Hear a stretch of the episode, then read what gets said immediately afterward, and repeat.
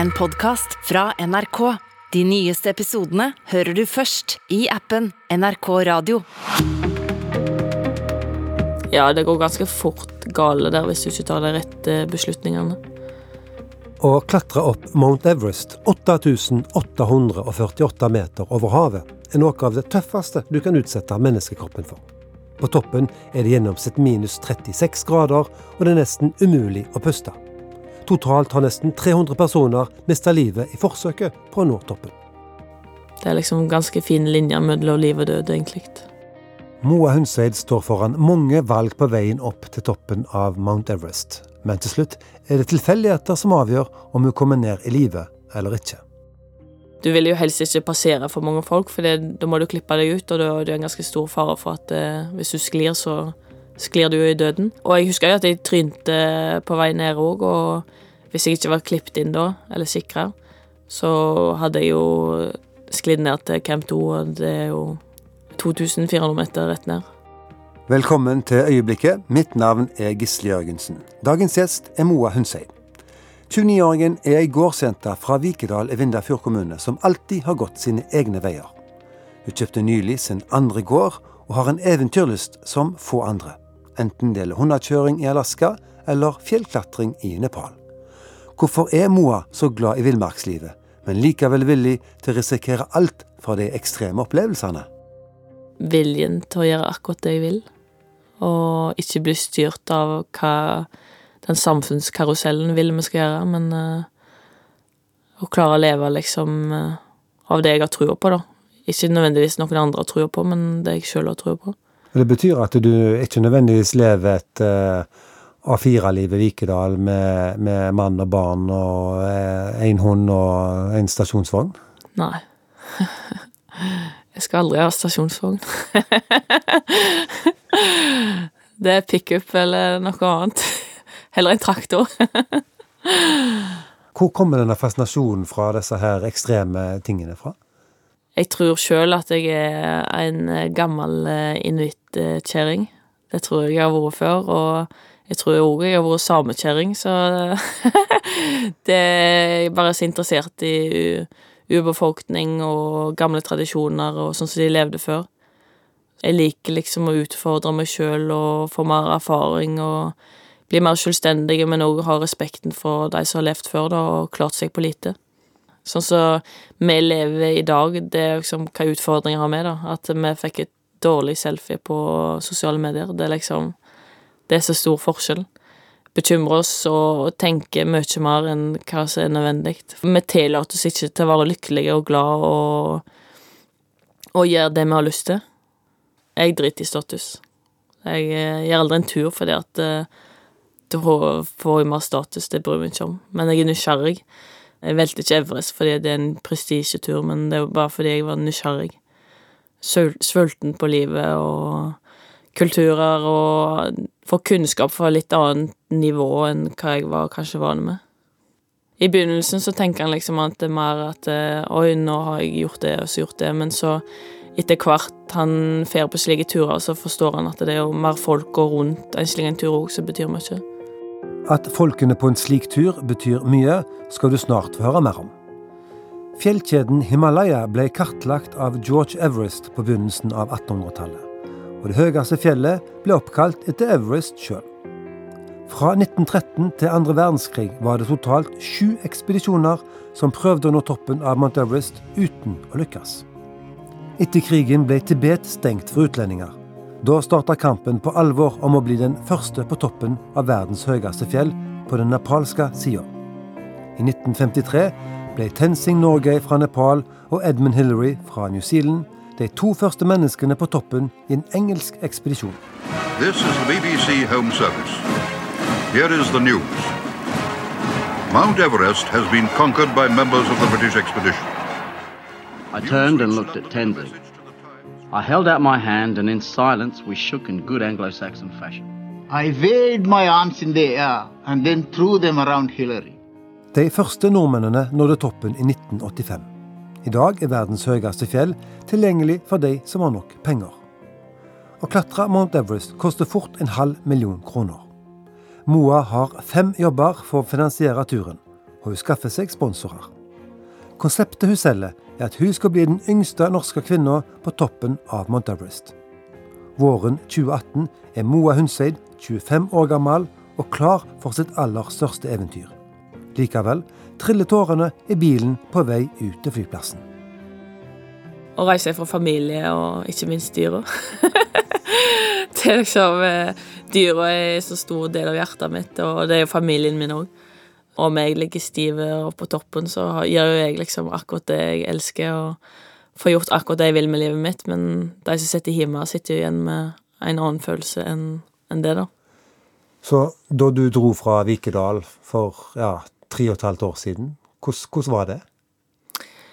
Du sitter jo med en sånn spennende følelse i, i kroppen eh, for deg sjøl, for du håper det går bra for at du får nå drømmene dine, men òg at eh, på en sånn tur så er det så mange som følger med.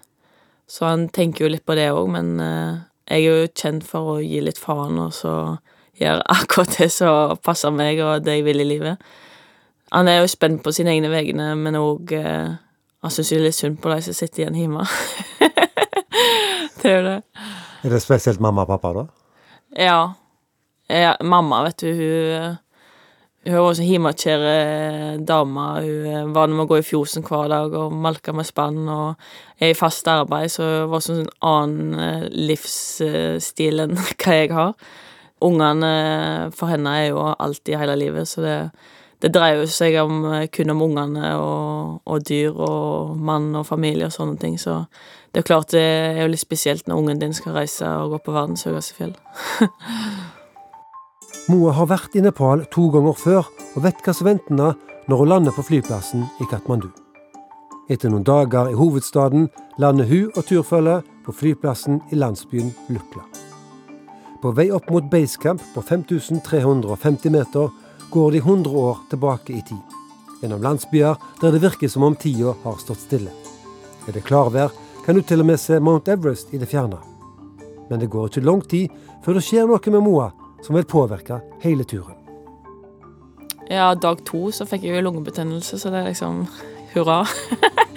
Ta å jobbe mot et mål, og du skal samle inn penger, og det er liksom ganske mye økonomisk press rundt en sånn en tur, for det, det, er liksom ikke bare 20 000 jeg må ut med, men det er jo nærmere en halv million, så det er liksom når en senker skuldrene og har fått i havn det økonomiske, så, så streiker det fysiske.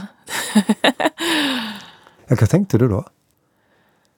Jeg tenkte åh, det er typisk, men uh, allikevel så lot jeg det ikke krype så, så innpå meg, for jeg visste jeg måtte jeg måtte ha viljen i behold hvis jeg skulle klare det, så det var liksom bare å presse det litt vekk, og så bare ah, Nei, jeg tror jeg laug litt òg og sa nei, ikke så gal, jeg, jeg tror det slipper nå. Men det var ikke så lett, var det det? At det slapp? Eh, nei da, det var turen ut, det. Allikevel så tenkte jeg at det er bare til å gønne på du, du, skal ikke gi deg før du ligger der, på en måte. Det var alt eller ingenting, så jeg er ikke født inn i en rik familie som kan bare punge ut en halv million til hver tid. Jeg hadde jobba hardt for det, og folk har jo støtta meg, eh, både bedrifter og privatpersoner, så det var jo mye av drivkraften, det òg, da. At det ikke bare for meg sjøl, men for de som, har, eh, som heier på deg òg. Men hvordan forfølger denne her lungebetennelsen deg da etter, etter dag to?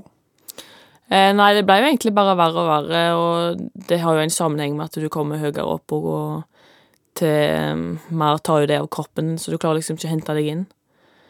I basecamp, eh, som er over 5000 meter, så ligger det jo ganske godt i lungene.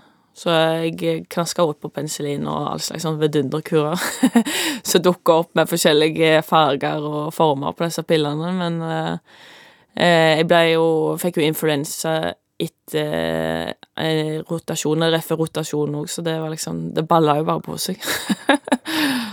Når du snakker om rotasjon, hva, hva, er det for noe? Nei, det er egentlig å bli mer vane med å leve på mindre oksygen. Så du fra basecamp så feirer du opp til camp 1, og så overnatter du der.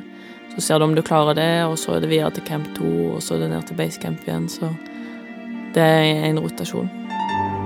Et av de farligste stedene på Mount Everest er Kumbu-isfallet, som ligger mellom basecamp og Camp 1 på rundt 6000 meters høyde. I Kumbu-isfallet er det mange bresprekker og ekstremt stor snøskredfare.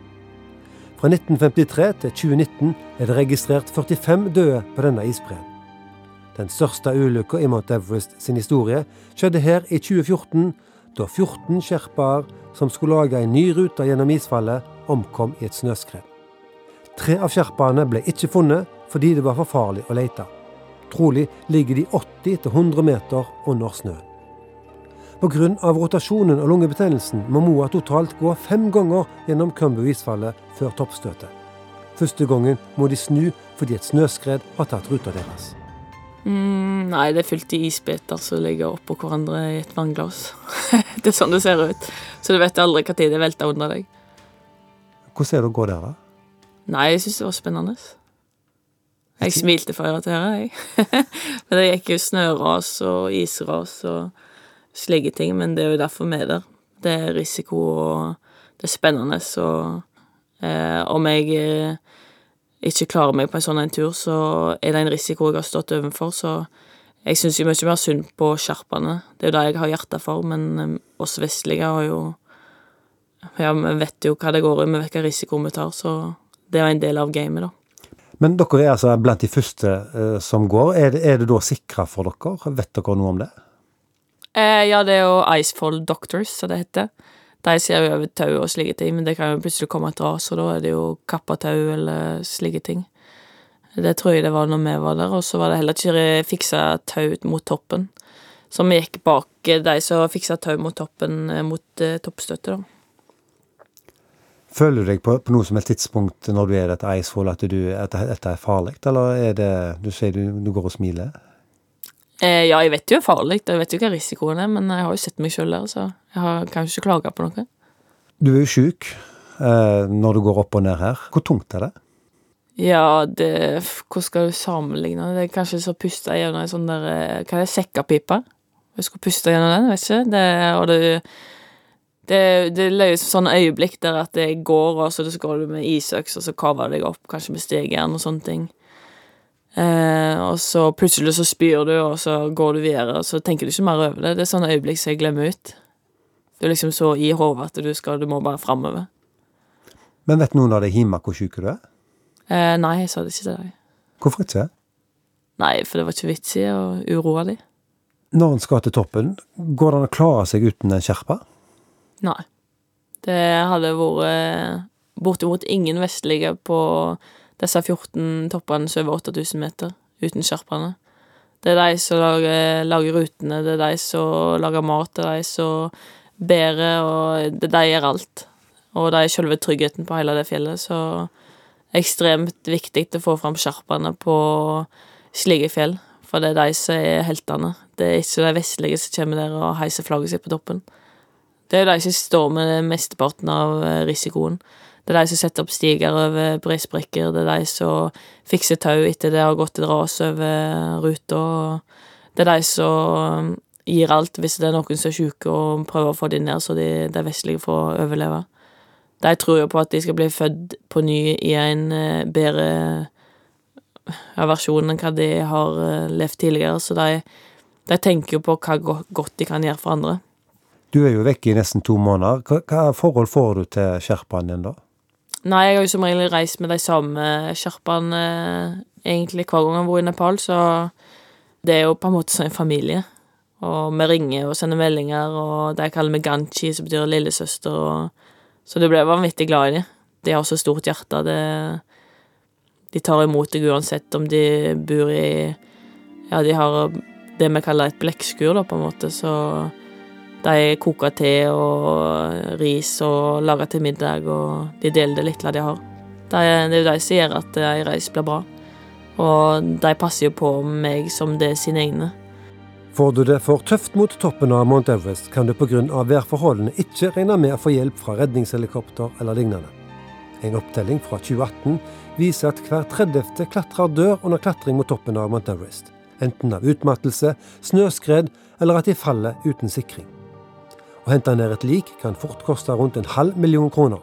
Derfor blir mange døde liggende igjen i fjellet, og et trist syn for de som klatrer, men også en påminnelse om hvor farlig det er å klatre verdens høyeste fjell. Med stygg hoste, feber, oppkast og diaré mister Moa mange kilo når kroppen skal tilpasses stadig nye høyder. Etter å ha vært oppe i kamp 2 på 6400 meter i tre netter, er akklimatiseringen over, og ferden går ned i basecamp igjen. Der begynner hun heldigvis å få i seg mat. Nå handler det om å vente på det rette værvinduet før hun begynner på toppturen. En natt får Moa beskjed om at neste morgen skal de av sted. På vei opp mot den berykta lotseveggen og Kamp 3 på 7100 meter er det noen i gruppa som gir seg og snur. Nei, jeg husker det ble nok eh, spypauser eller sånn harkling og horkling, for det var masse slim i hals og lunger og alt. Eh, og så da ble det voldsomt opphuska når vi fer opp mot eh, Camp 3. Og det er ganske loddrette vegg og en del blåis, så du henger nå der i tauet og prøver å kave deg opp gjennom et steg. Det koster ganske mye. Det, det er nesten så hele kroppen er nedsynkt i en myr og så prøver du å komme framover, men det går forferdelig seint. Men hvordan har han krefter til dette, da, når han er, har både influensa og lungebetennelse i kroppen? Nei, det har vel egentlig ikke sånn krefter, det går jo bare på viljen. Marit Bjørgen og Petter Northug alle sier at det er svartner, at de husker ikke godt i mål. Det er jo litt sånn. At du, du går bare, men du vet egentlig ikke helt du går, men du vet du må framover. Men er det da verdt det hvis ikke du husker det? Jo, du husker det, men det er litt sånn Du vet egentlig ikke helt hvordan du har klart det men eh, det er på grunn av viljen. Så her handler det ikke nødvendigvis om krefter, men det som skjer oppi hodet? Ja, men det er med hver tur, egentlig. Hvis du ikke har viljen på plass, så Men det fysiske er på topp, liksom. Det er ikke alltid det Det er ikke det som betyr alt. I Kamp 3 i, i Lotsevoll, hvordan er det der? Jeg tror det ligger på rundt 7000 meter. 21, gjerne. Og da går det uten oksygen opp der. Eh, det er jo nokså loddrett vegg, så det er jo for så vidt tungt. Og så kommer det opp ei lita hylle der er noen telt har blåst av, og noen har kanskje skjete rett forbi teltet ditt, og teltet står helt skrått, og det er liksom ja, en ugunstig plass å sove, egentlig. Hvis du trør litt feil forbi teltet, så sklir du ned fra, fra campen. Jeg føler du deg trygg når du skal legge deg til å sove, da, når du er så skal ha camp midt i en vegg? Ja, jeg ser alltid godt. Men hvor langt er du til kanten da, altså før du ramler ned, nesten sagt? Nei, det er jo sånn at du kan ikke sette koppen eller termosen din forbi, for da sklir det. Jeg hadde jo vært livredd. Ja. Men eh, veien opp fra, fra kamp tre til kamp fire, som er den siste kampen, hvordan er den? Jeg syns det starta ganske fint. Jeg følte liksom at jeg fikk en liksom opptur. For da begynner du på oksygen, så da begynner jo maten smake, og Eh, du sover godt, og du har fine drømmer og sånne ting.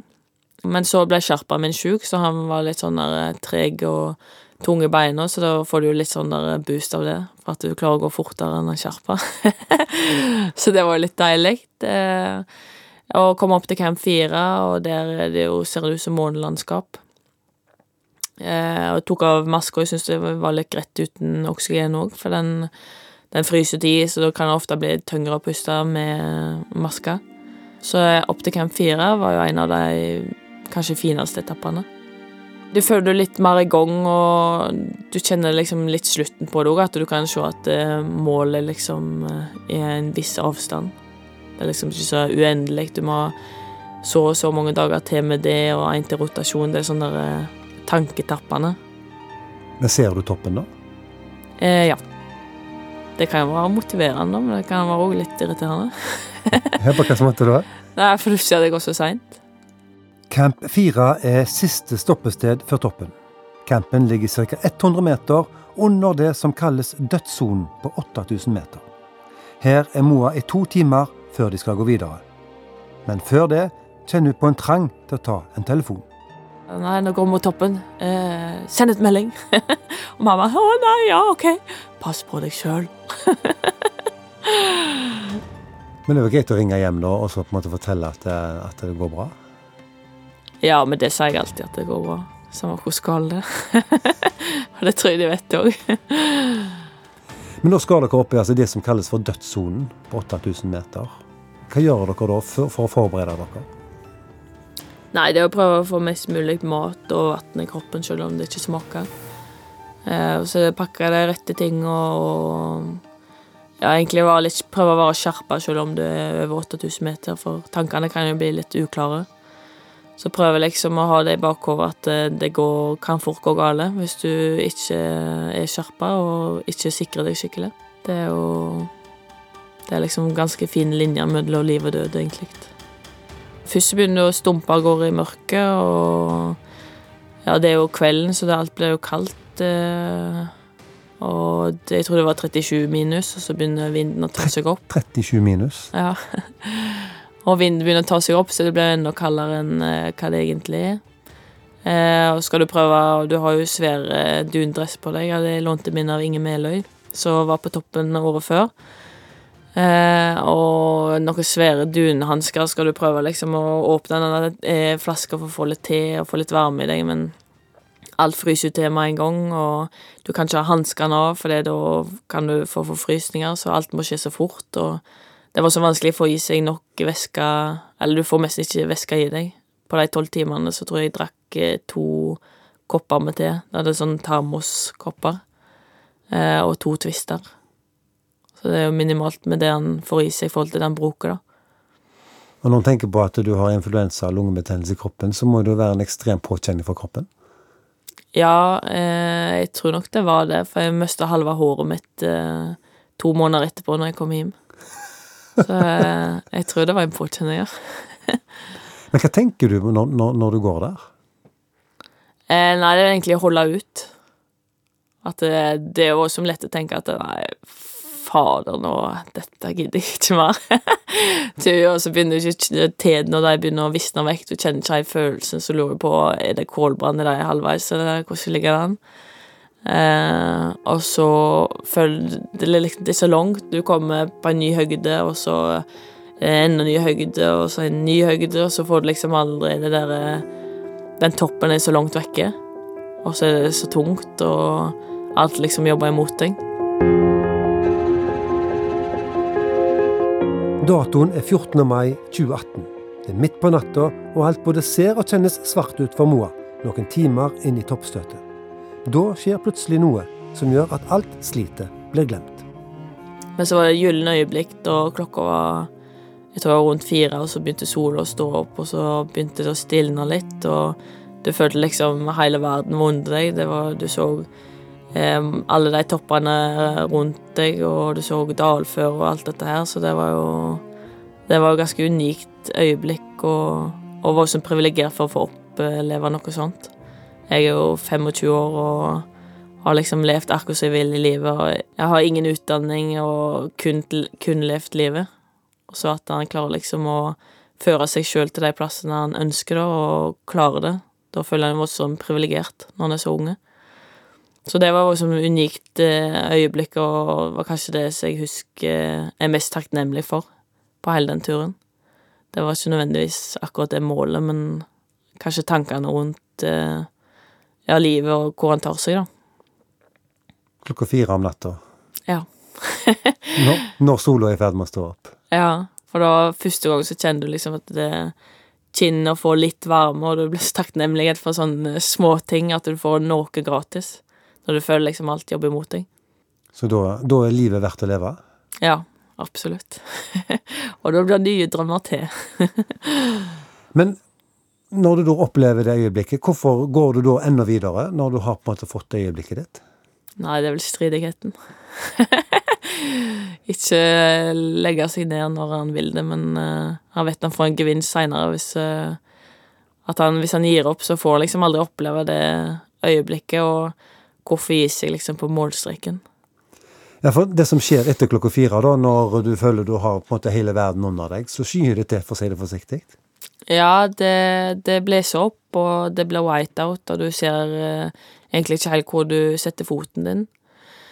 Eh, og når vi kom på toppen, så er det, og jeg tror vi var der tre eller fem minutter, så måtte vi bare snu igjen, fordi for å berge oss sjøl før det ble for gale, da.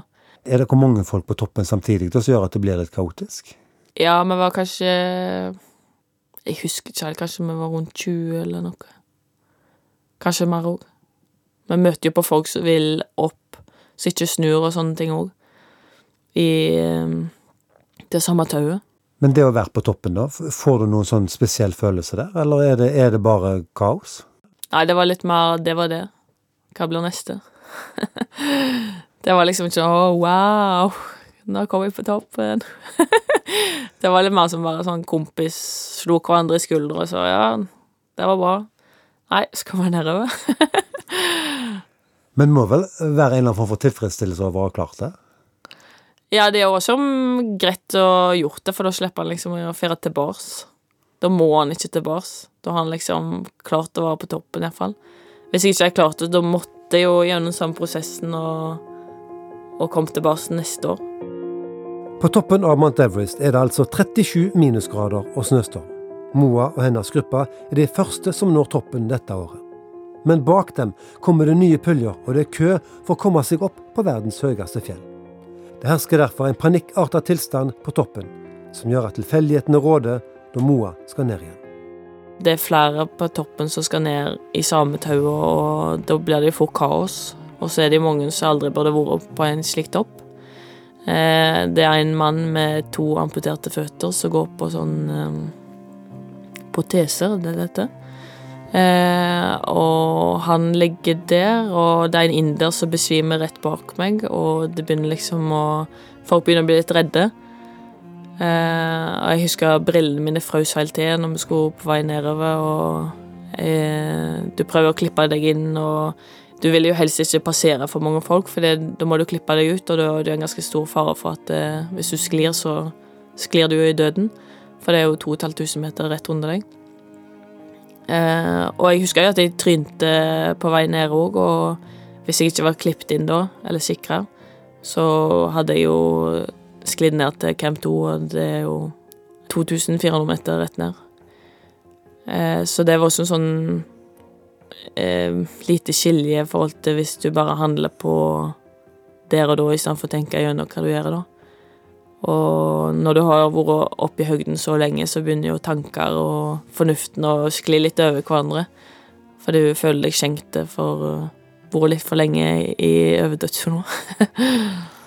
Men du holder altså på å ramle ned de 2500 meterne?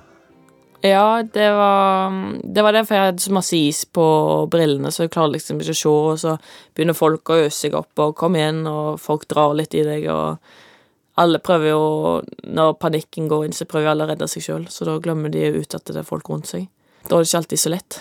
Men når du mister fotfestet da, hva tenker du? Nei, da lo jeg. Så du vet jo at det, det begynner jo å rable litt i hodet da.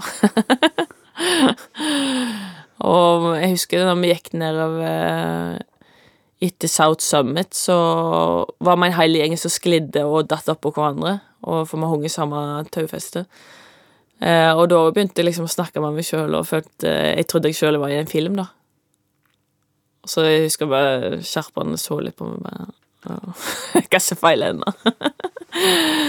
Men allikevel så hadde jeg Jeg husker det var en inder òg, så han la seg bare ned og nesten så ut som han ville gi opp, så liksom tok og drog han og sette på brillene og, og Så jeg hadde jo instinkt og Du har jo lyst til å hjelpe andre sjøl om du kanskje er litt i faresoner sjøl òg. Du går liksom og somler litt i deg sjøl, og eh, jeg husker vi for direkte ned til Camp 2, og da sovna halve kroppen min inni teltet, så lå beina forbi. Så det var ikke helt oppå gikk, nei. Livet måles ikke i antall pust vi tar, men i antall øyeblikk som tar pusten fra oss. Det sitatet med ukjent opphavsperson oppsummerer på mange måter Moas ferd opp og ned Mount Everest våren 2018. Derfor er det heller ikke vanskelig å forstå at Moa skal tilbake igjen til Nepal. Samtidig har hun en hemmelig drøm. Eh, nei, jeg har også lyst til å ta med meg folk og vise hva Nepal har å tilby. Eh, og gi noe tilbake, at eh, de kan få Etter covid så har det jo vært ganske så tøft for dem òg. Så når jeg tar med meg folk, så kan de, både jeg og vi bidra til inntekt til dem. Eh, og så har jeg jo lyst til å vise Selvsagt hva jeg sjøl har opplevd, både til venner som vil være med, men òg eh, sånne som jeg ikke kjenner, da. Det er liksom, Jeg føler jeg sitter på mange hemmeligheter, for det er mange som aldri har vært på sånne turer. Så det er liksom eh, noe helt eget, og stemningen og samholdet, det er liksom sånn som en ikke møter i hverdagen. Går du med en eller annen sånn hemmelig drøm om, om, et eller annet som du ikke har lyst til å snakke om? Ja, det gjør jeg sikkert, men jeg tør ikke si det høyt av mamma. Det er best å ha tida stilt.